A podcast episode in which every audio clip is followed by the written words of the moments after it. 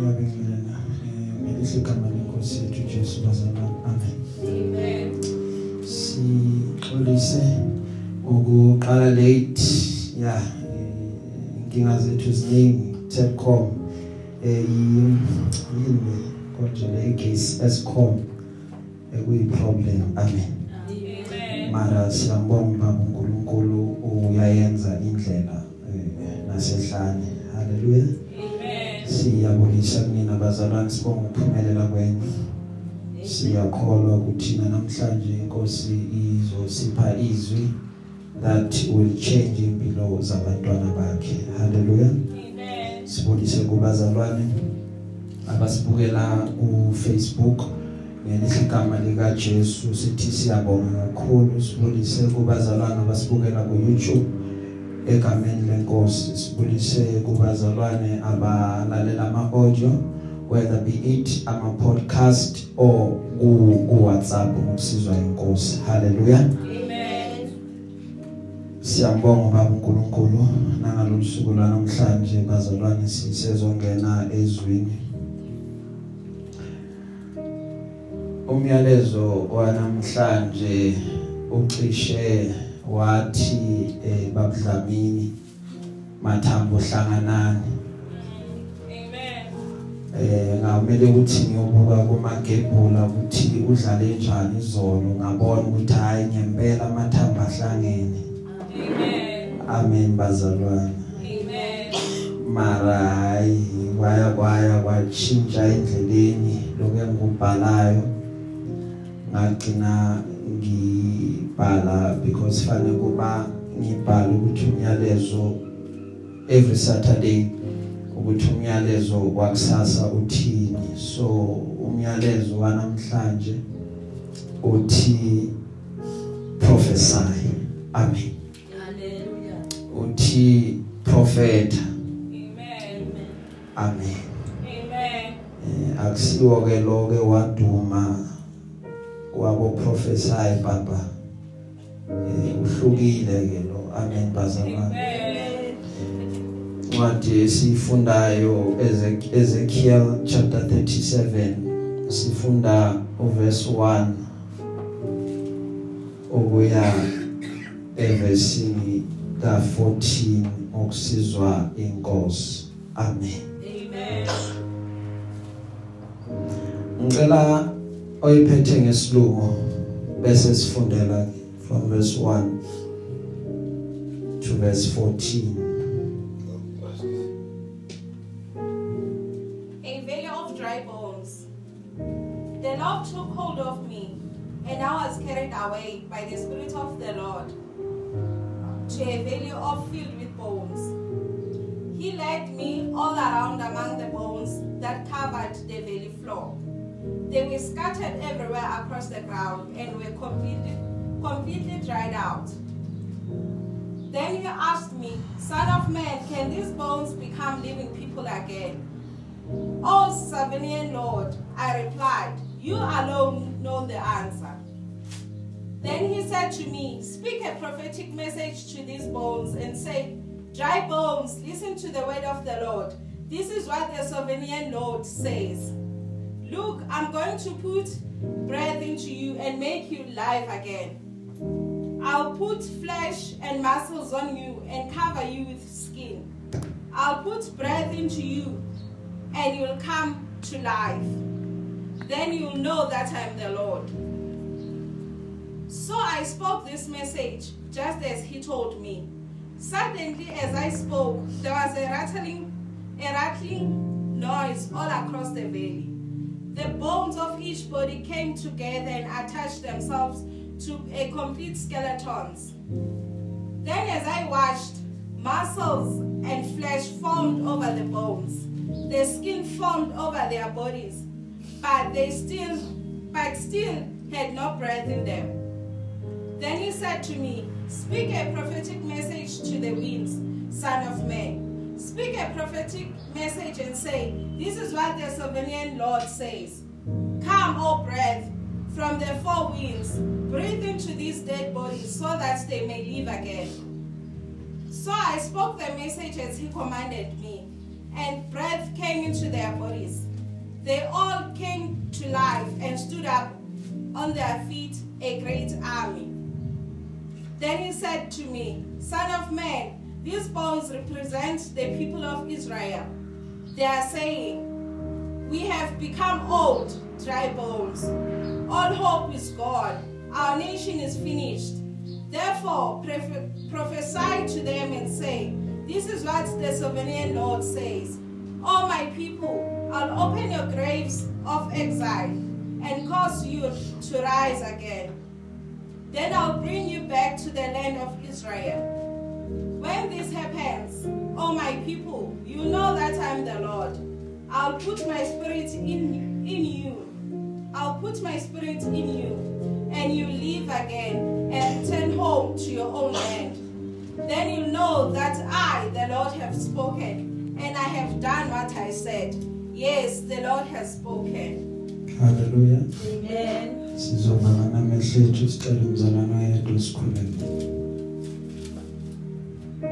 babe egameni nasegazini likajesu kristu wasenazaretha amnini mandla onke nanti izwi lakho liyaphila simathi samazulu liphefumulele nguwena nanti incike yakho mnini mandla onke isamile phambi kwethu unkulunkulu namandla onke isaze sihlephulele isenkwa namuhla kuyavuleka mnini mandla onke ukuthi namhlanje mesiyengcwele um-anointing nge-anointing yanamhlanje mesiyengcwele singeziyena kepha sizweni ukhulumisana ney'mpilo zethu. Nanti izwi lakho unkulunkulu namandla onke ngiyakhuleka ukuthi bese lidala impact enhle ey'mpilweni zethu. Ngicela konke egameni lakhe egameni nasegazini likajesu kristu wasenazaretha. Amen. Amen. Siyabonga bazalwane amen. Amen. Uma sibuka ezweni lakamoya eh siyathola ukuthi kulesi sikhathi isikhathi la uNkulunkulu enza khona irestoration. For the past few years abantu abaningi balahlekelwe izinto eziningi.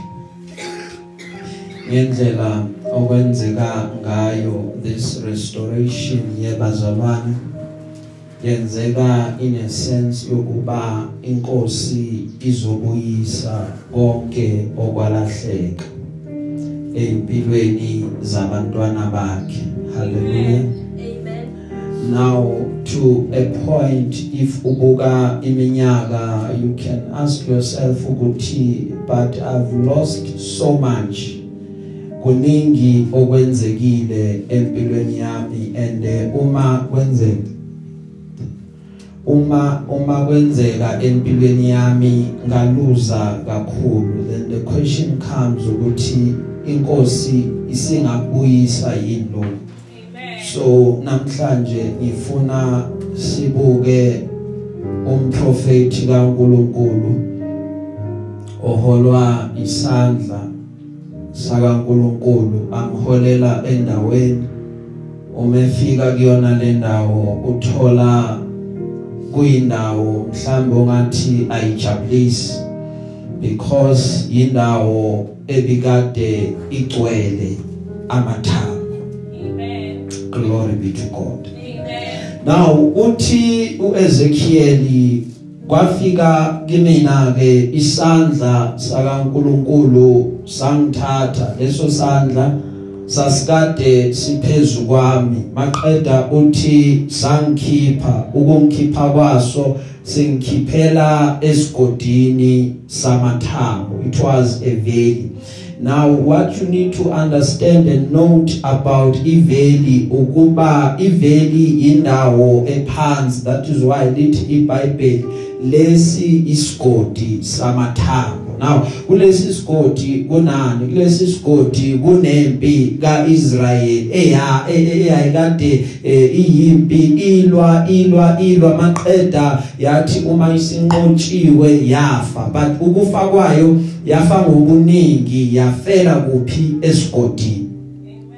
Haleluya uma ulifunda iBhayibheli lakho uyathola ukuthi bathi abathi bebastudishe uNkulunkulu bathi uNkulunkulu ngazuthi sesimbonile uNkulunkulu kaIsrayeli ngazuthi uNkulunkulu eh weintaba ngakho ke masingakhuphukeli entabeni siyolwa noIsrael entabeni because we have studied uNkulunkulu kaIsrael so let us draw uIsrael simdrawele esigodini. Na uma efika esigodini then surely we might win this battle. Why? Because we see uNkulunkulu ukuthi uNkulunkulu weintaba bese uNkulunkulu ngomlomo womprofeti amikise izwi elithi it is fine. Bavumeleni ukuthi bandonsele into the valley but ngifuna kwazeke namhlanje ukuthi uma nifika in the valley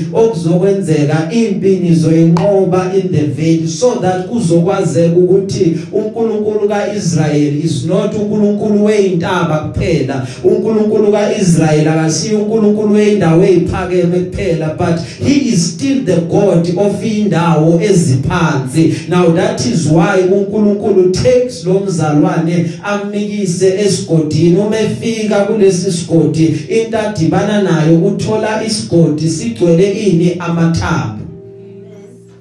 Lithi iBhayibheli evesini laka 2 wangidlulisa kuwo ngawazungeza bheka ayemaningi kakhulu ebusweni besigodi.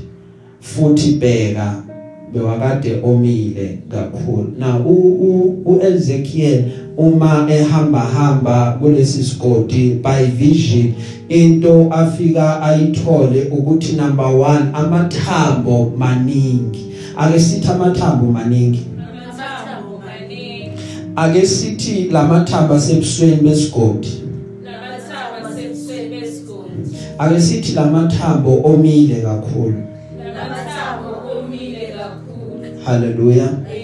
So lamathambo lawa uma uEzekiel ehamba hamba ewabuka uyathola ukuthi oh lamathambo maningi in other words agcwele kuyona le ndawo. In other words labantu abafile bakade bayimpi enkulu yibo laba bafele kulesi sigodi. Maqeda uthi uEzekiel lamathambo omile and ukoma kwawo ome kakhulu. What does that signify? Lokho kubonisa ukuthi once bekade kukhona impilo ekhona ngoba impilo yomuntu noma impilo yesilwane lezi ezinkulu njengenja kanjalo kanjalo kuvamisile ukuthi once yaphela leyo mpilo leyo then kusala ini amathambo as uphawu lokuthi kunesilwane esike saphila noma kunomuntu oke waphila. So iindication yokuba khona kwamathambo kulesi sigodi is an indication wokuthi kunempe yayikade iphila kunabantu ebebakade baphila. Then uNkulunkulu kuzumbuzo olandelayo evesini elandelayo uthi umbuzo kaSimakade ndodana yomuntu lamathambo asengaphila na? That is the question ukuthi lamathambo can they still live again na? In other words lempi yami isengavuka yini? In other words isimo lesi engibukene naso sisengaguquka yini? Ngoba iqiniso lithi singabantu sihamba hamba sibukane nezimo ezihlukile abanye babantu eqaleni kwempilo bebakade banamaphupha bawaphuphayo but sekuhambe kwahamba amaphupho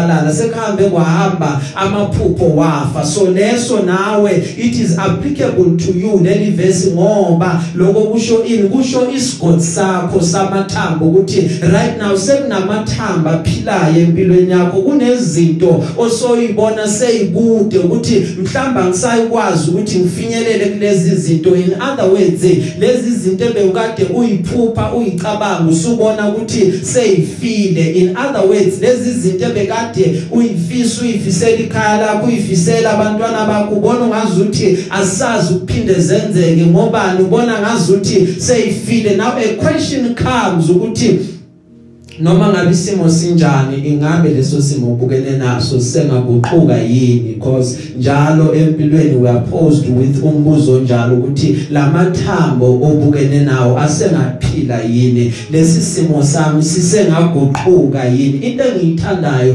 ngithanda impendulo kaMprofeti uthi enkosini wena nkosi uyazi ukuthi kusengenzakalani mina ianswer anginayo but wena simakade wazi ungazi ukuthi uthanda ukuba lamathambo aphile yini noma uthanda ukuba lamathambo angaphili yini. Lowo mbuzo uEzekiel ubuyisela back to God ukuthi inkosi wena ongawuphendula lo mbuzo mina impendulo yawo anginayo. That is why athi uNkulunkulu mekhuluma naye umprofeti uthi kuyena profeta phezwalamathambo maqeda uthi kulamathambo nina mathambo. Mileyo zwani izwi lika Jehova isho kanje inkosi kinina ithi bhekani nyongenisa umoya phezkwenu maqeda bese niyaphila izwi lele fanele ukuba uliprofete ulikhulume phezkwesimo sakho noma ekhayeni lakho noma ngabe ukhuluma no emndenini wakho ukuthi umndeni uhlakazeke kangakanani it is the way that you must declare over them. Ukhulume lento ofuna ukuyibona yenzeka. Ukuyeke konke lokubhedayo ukuyeke konke lokungakuthandi nongakufuni but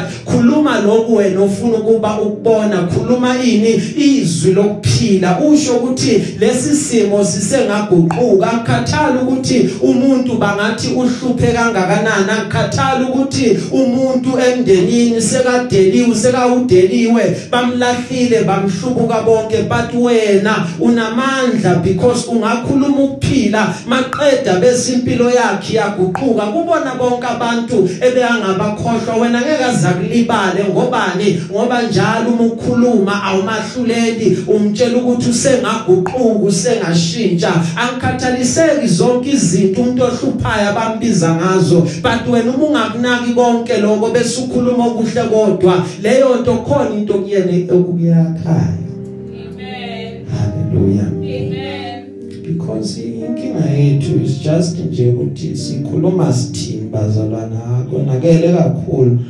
Uh, but kuya ngokuthi sikhuluma sithini because uNkulunkulu uthi ngiyobeka imisipha phezukweni maqeda bese ngihlumisa inyama phezukweni bese nginimboza ngesikhumba nginike umoya niphile. Nazi ukuthi nginguJehova. In other words lesi simo okubuke ukuthi asiyuphinda siguquke sizoguquka. Manje impilo yakho isengashintsha kule inyanga nyane seyiselo soyibala ukuthi siyongena unyakeni omusha but kungazuthi izinto azange zihambe kahle. Unyaka usaqala kuze kube manje. Ngiphethe lozwi namhlanje ukuthi kusengaguquka but it matters ukuthi ngowakho umlomo uthini ngoba amandla okufa nokuphila abekiwe olimini ngoba uthi uNkulunkulu mekhuluma phezukwakho mathambo mileyo ngiyoletha imisipha maqedwe ihlale phezukwakho ngiyoletha isikhumba sihlale phezukwakho maqeda nginikeza umoya maqeda bese niyaphila. Kulamaphupho bukadunawo usengakhuluma lawo mazwi aphilayo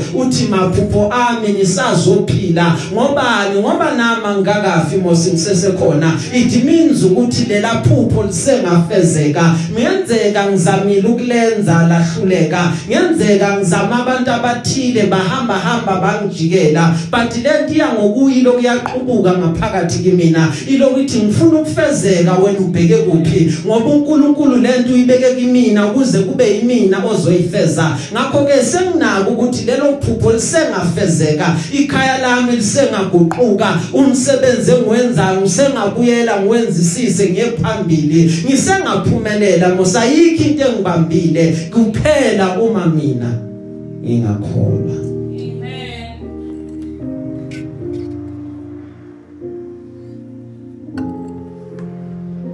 ngizothi profeta phezu kwesimo sakho Amen. indaba ukuthi mina ngisazi yabo kube bengisazi mhlawumbe.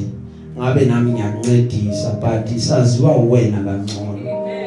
Kudingeka ukuthi kube nguwena because unamazwi ongawakhuluma maqeda bese izinto ziyaguquka. And ungabovami ukuthi ulindele abantu ukuthi khona ozoza azokhuluma. Ekugcineni nathi singakhuluma size hey siyakhuluma. bo singakhuluma size siswele singazi ukuthi sigcine sithini until wena kube wena lokhulumayo Amen.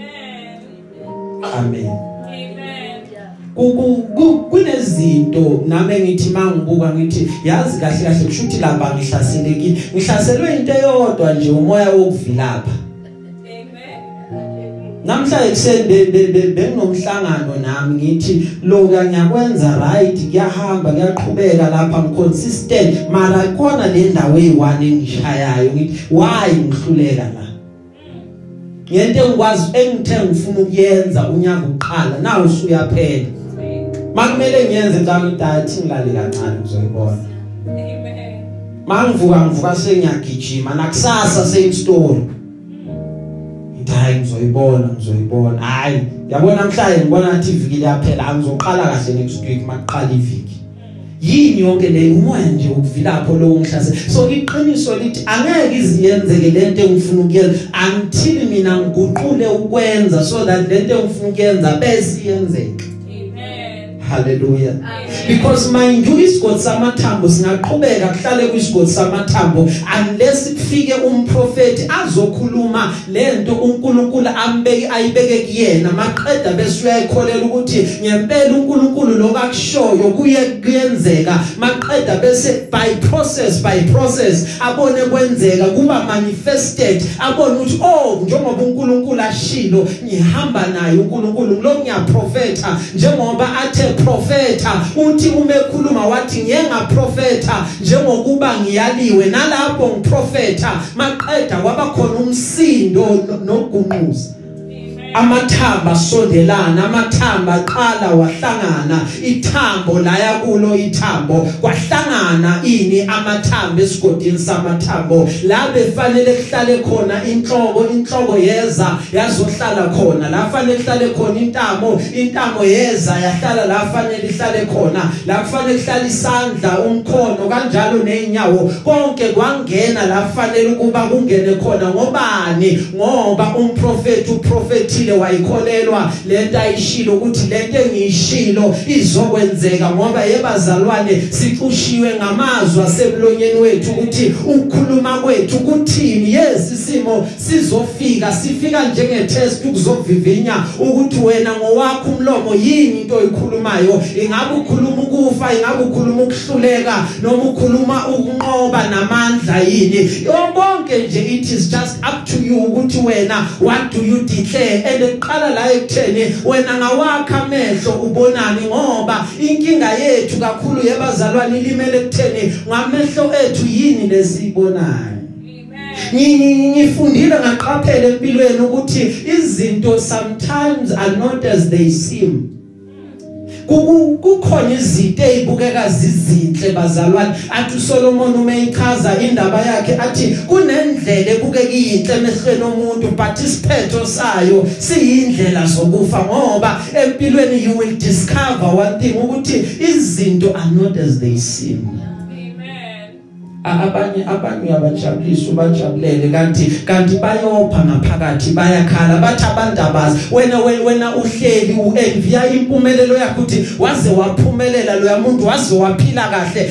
Kanti awazi ukuthi lo muntu uthwele kanzima kanjani. Uthi angifisa abantu bafune lempilo engiyiphilayo. Nadi nje ukuthi ivalwa amakhetnisi asikwazi ukubona ukuthi uyakhala lo yamuntu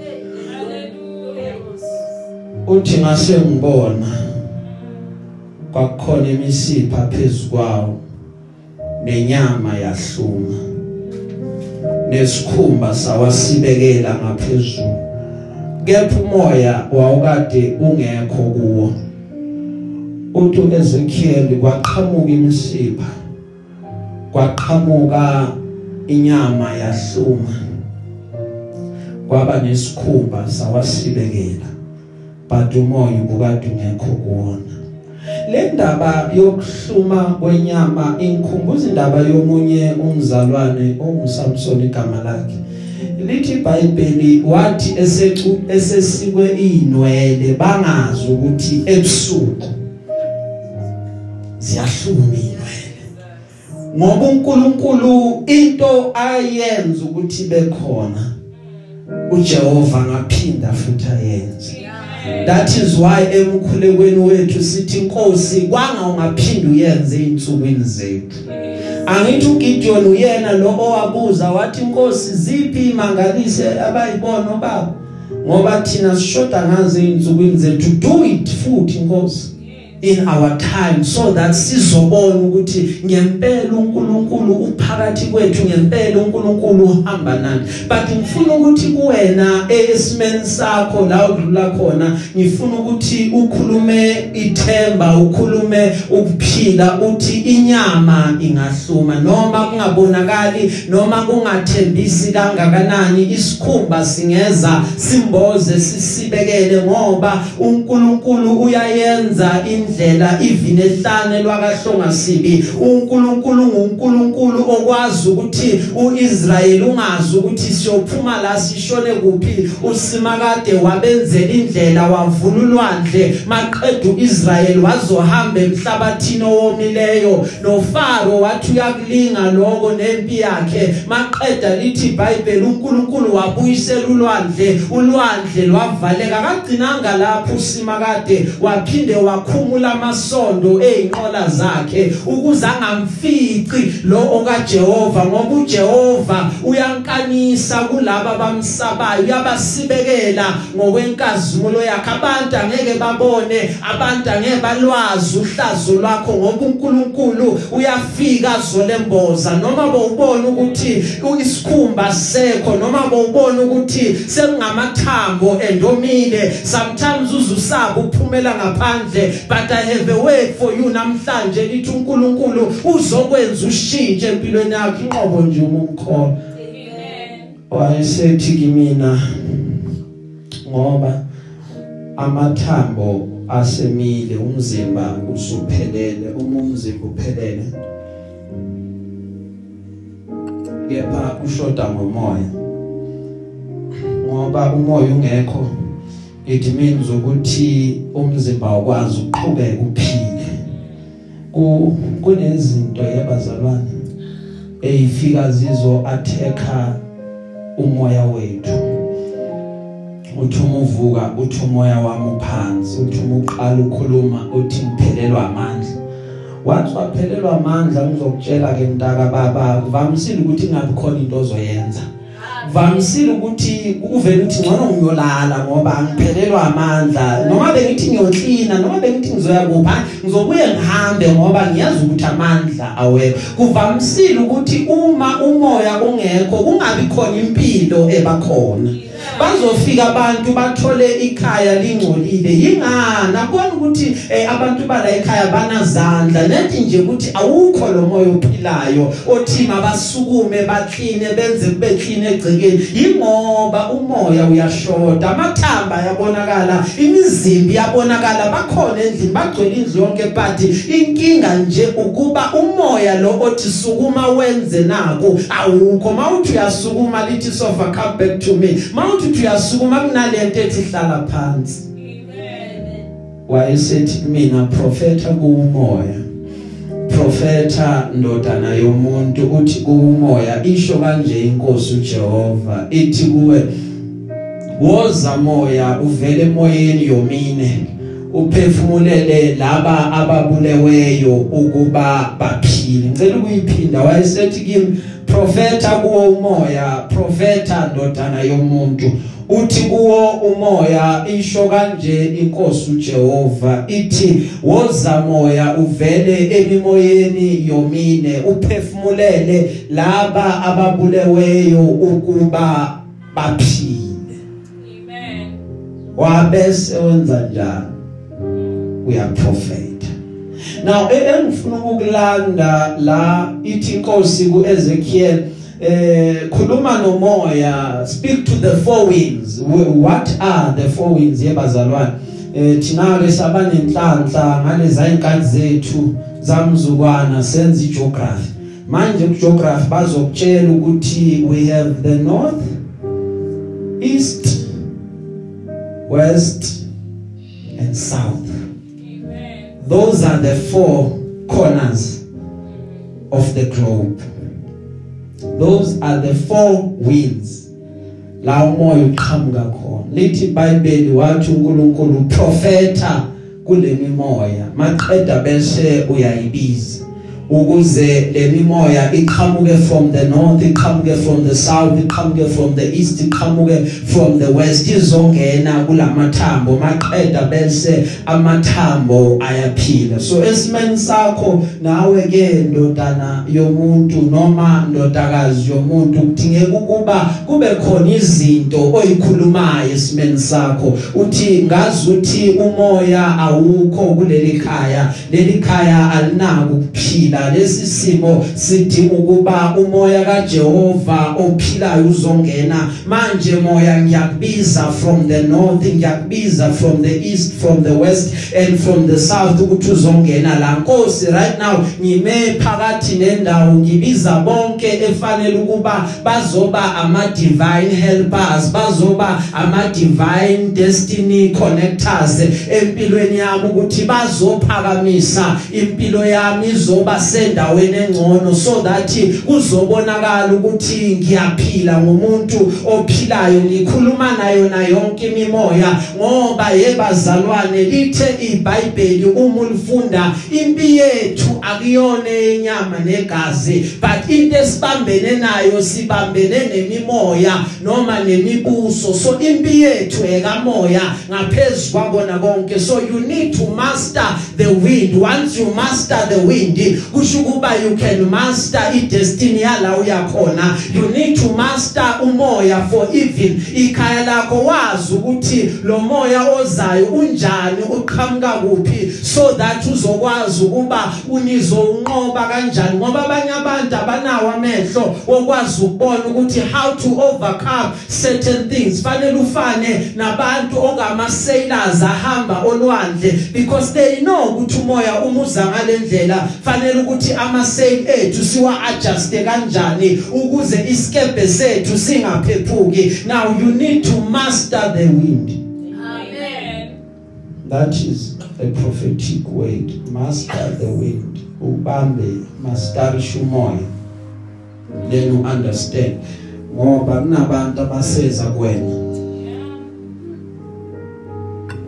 Inkinga ukuthi awubazi beza ngomoya onjani. Nabantu abeze ekhayeni lakho awubazi beza ngomoya onjani. So you need to master umoya ukuthi beza nomoya onjani ngoba abanye abantu ababoni. Eh that is why ngibathanda bomama. Bomama bayakwazi ukusenza. Uma umuntu efikile bathi hayi lo muntu akalunganga noma ungamboni wena lokuyalena leli but ah lo muntu akalunganga umama ubone ngathi unomoya ubone unomoya behind lo muntu lo. Yiyo le ngibona ukuthi awulunganga. So we can say ukuthi abomama banayo that sense ukuthi bamastare umoya and baqonde. Amen. hallelujah. Amen. ngaprofetha njengalokho ngiyaliwe. Umoya wangena kuwo aphila ema ngeinyawo zawo. Impe enkulu kakhulu impela.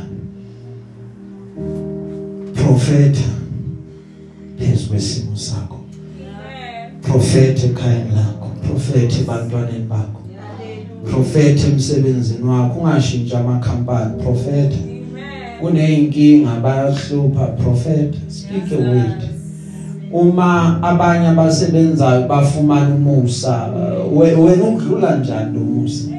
Na usebenza uyimisela uyikhandla kangaka? Uvuka abanye abantu balele.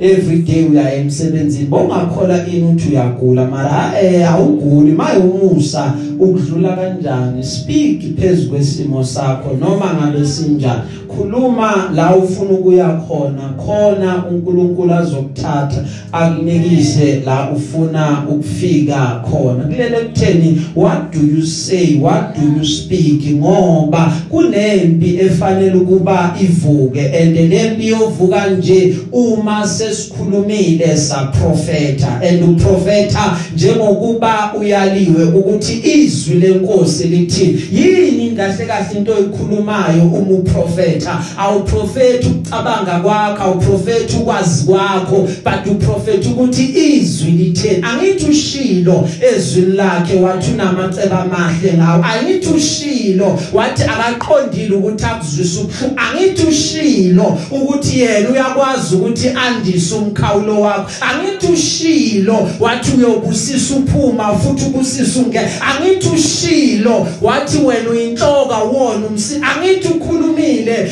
ezwini lakhe wathi noma bengavuka beze kuwena ngendlela eyodwa bayohlakazeka ngendlela ezisikhombisa khuluma izwi prophet esimeni sakho bese sizoguquka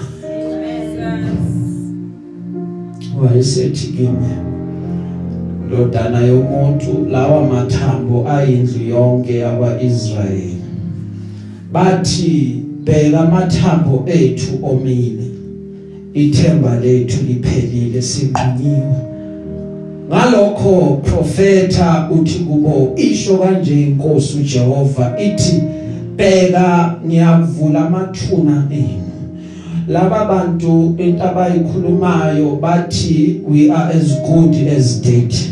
Ayikho into engavela kithina. Thina la sikhona sekuphelile ngathi eh amathambo ethu omile kakhulu. In other words akusena themba vele. Ithemba lethu lishabalele ithemba lethu liphelile ukuthi kuyophinde kulunge bakhona nabanye eh esikhuluma kubona engabazi ukuthi ngikhuluma kubani othi ithemba mina ngisanalo. Ithemba lami seliphelile. Yingani kuba yinyembezi usuku nosuku? Angisaboni ukuthi isimo sami sohamba hamba siguquke but nanka amazwi kaJehova empilweni yakho athi kuwena uNkulunkulu uzosiguqula leso simo. As long as usaphefumula akakapheli ngawe. uNkulunkulu akakavumi ngawe. Kusazoguquka. Qhubeka maqeda nawe bese ukhuluma ukuphila bese uzolibona ushintsho empilweni yakho. I don't care ukuthi ubukana nani. Ngifuna ukuba umthembu uNkulunkulu kuze kube manje from le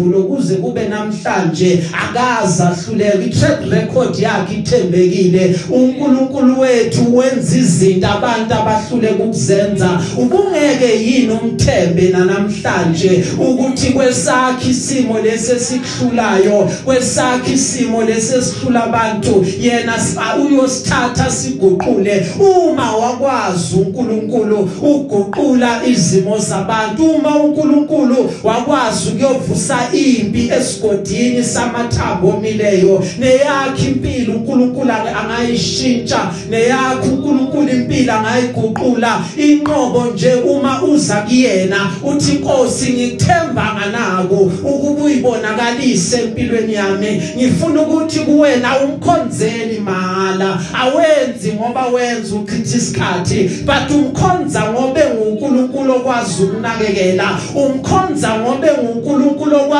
ukuvela la amathemba abantu asephele khona la abantu sebathi siqedile afike yena athi ena la kahle kahle indlela isaqala. Ngoba unguThixo ongahluleki unguNkulunkulu owenza izinto. Abantu basale bebuzana ukuthi kwenzeke kanjani bese kuyabonakala ukuthi kunesandla sakaJehova. La umuntu akakwazi ukuyenza lento usimakade kuphela okwazi ukuba yenze lento Amen.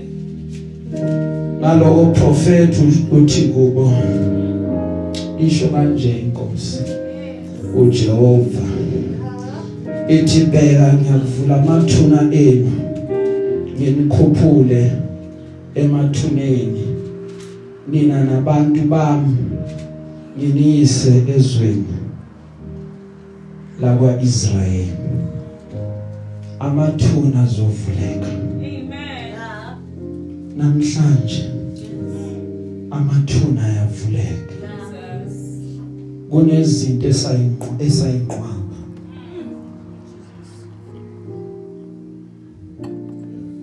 kahle kahle izulu elidinga ziphila Amen. kunobudlelwane esabungcwaba kanti izulu lidinga kuphila.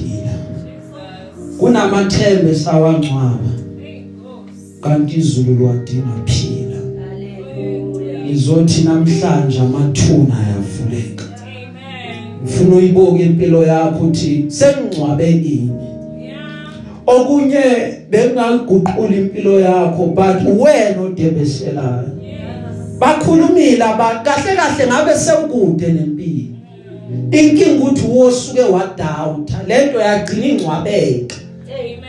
Uma uma umebaleni ungabeka into isitsha bese uthatha inhlabathi nje encane uyiphonse phezulu kwalesi sitsha. Kunimvula uphinde uphonse enye kunimvula uphonse enye kancane. Maqeda bese uyayiyeka lenhlabathi fika abantwana badlale phezulu kwayo bese lokhu uyayikhwezela kancane. Kuyothi makuphela unyaka iyokwenza iqhuma iyoqina lenhlabathi kube intaba encane nje uyibonayo lapha ebaleni lakho. Ekugcineni kube yithuni mhlambe lesithi uyasidinga wazi ukuthi sashonaphi kanti kuloku nje kukhwezelwa ngenhlabathi kancane lokuyavalwa kancane kancane lokuya ephuma nje la ebaleni hayo elande Samuel ephuma la ebaleni.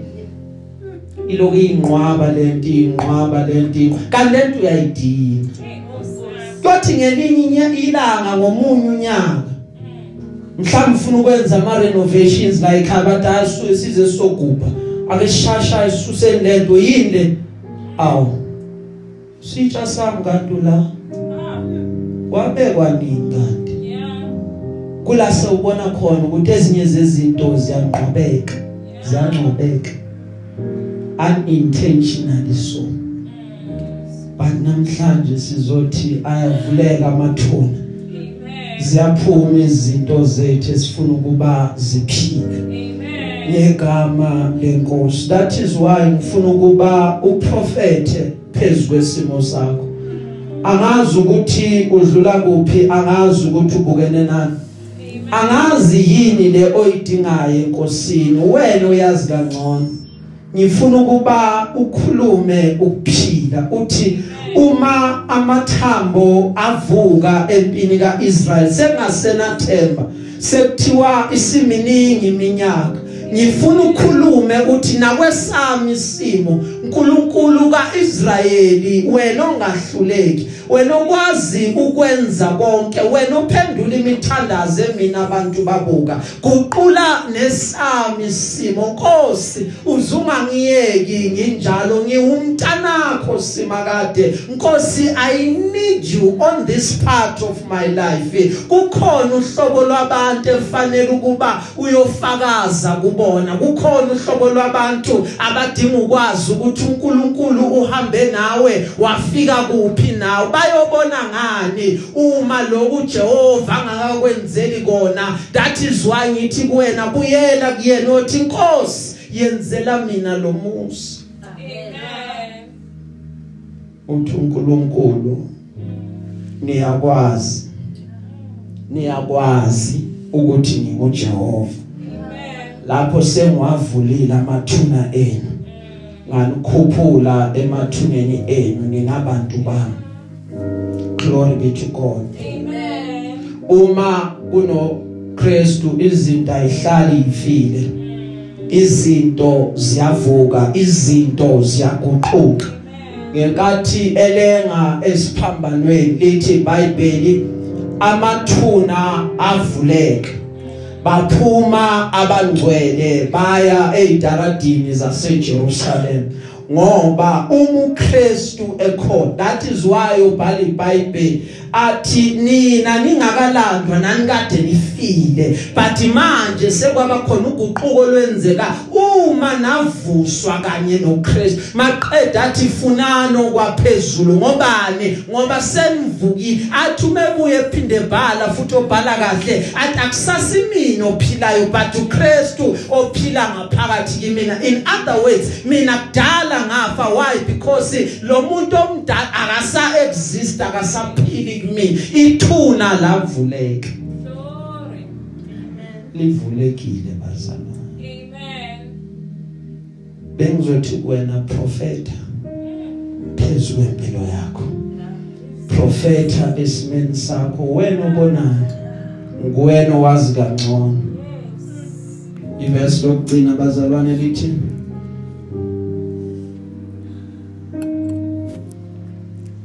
ngiyakufaka umoya wami kinina nize niphile.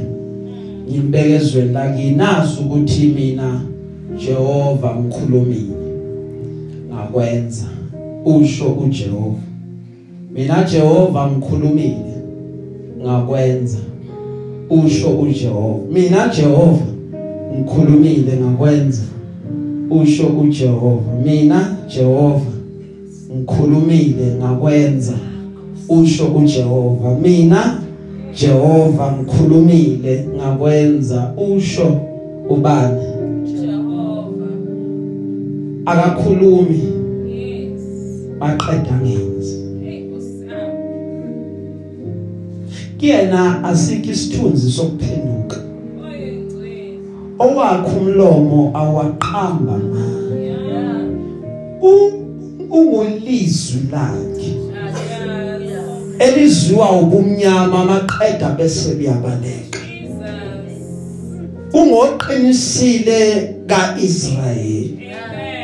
Umush umeshilo kunjala kuzuguquka Amen. ungunkulunkulu oyifunge yena ezwini lakhe. Amen. lithi iBhayibheli waqale wabuka ukuthi ubani angafunga ngaye bese lithi iBhayibheli akatholakalanga omkhulu wayibona ukuthi imini omkhulu phezukendalo yomaqeda wayifunga yena ezwini lakhe.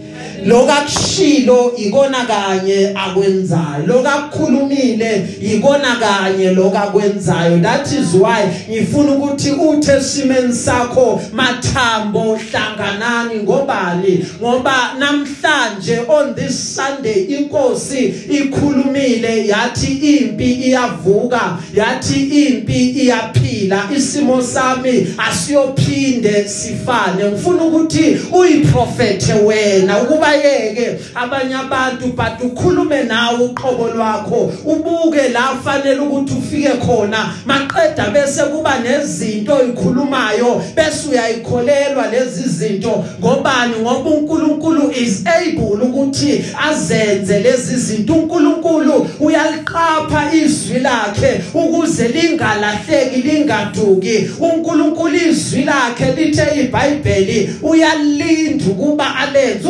Umeshilo ezwini lakhe wathi mina ngiyaphumelela. Then surely ngiyaphumelela. Umeshile ezwini lakhe ukuba siki isikhalo esenzelwe mina esiyophumelela. Surely asikho isikhalo esenzelwe mina esiyophumelela. Umeshilo ezwini lakhe ukuthi nginako futhi kuyachichima it means ukuba angikoswela umeshile ezwini lakhe wathi uyonganelisa ngobude beinsuku then you can rest assured ukuba the sun will not smite me by day nor the moon by night. Ngobani? Ngoba uNkulunkulu uyohamba nami endleleni yonke maqeda ahlelemba amagebhugebhu uNkulunkulu ushilo lokakushilo ikona uzokwenza profeta phezulu empilo yakho profeta ekhayeni lakho profeta ebantwaneni bakho profeta emndenini wakho. Profeta emsebenzini owenzayo yonke indawo profeta uma uprofeta ukhuluma ini?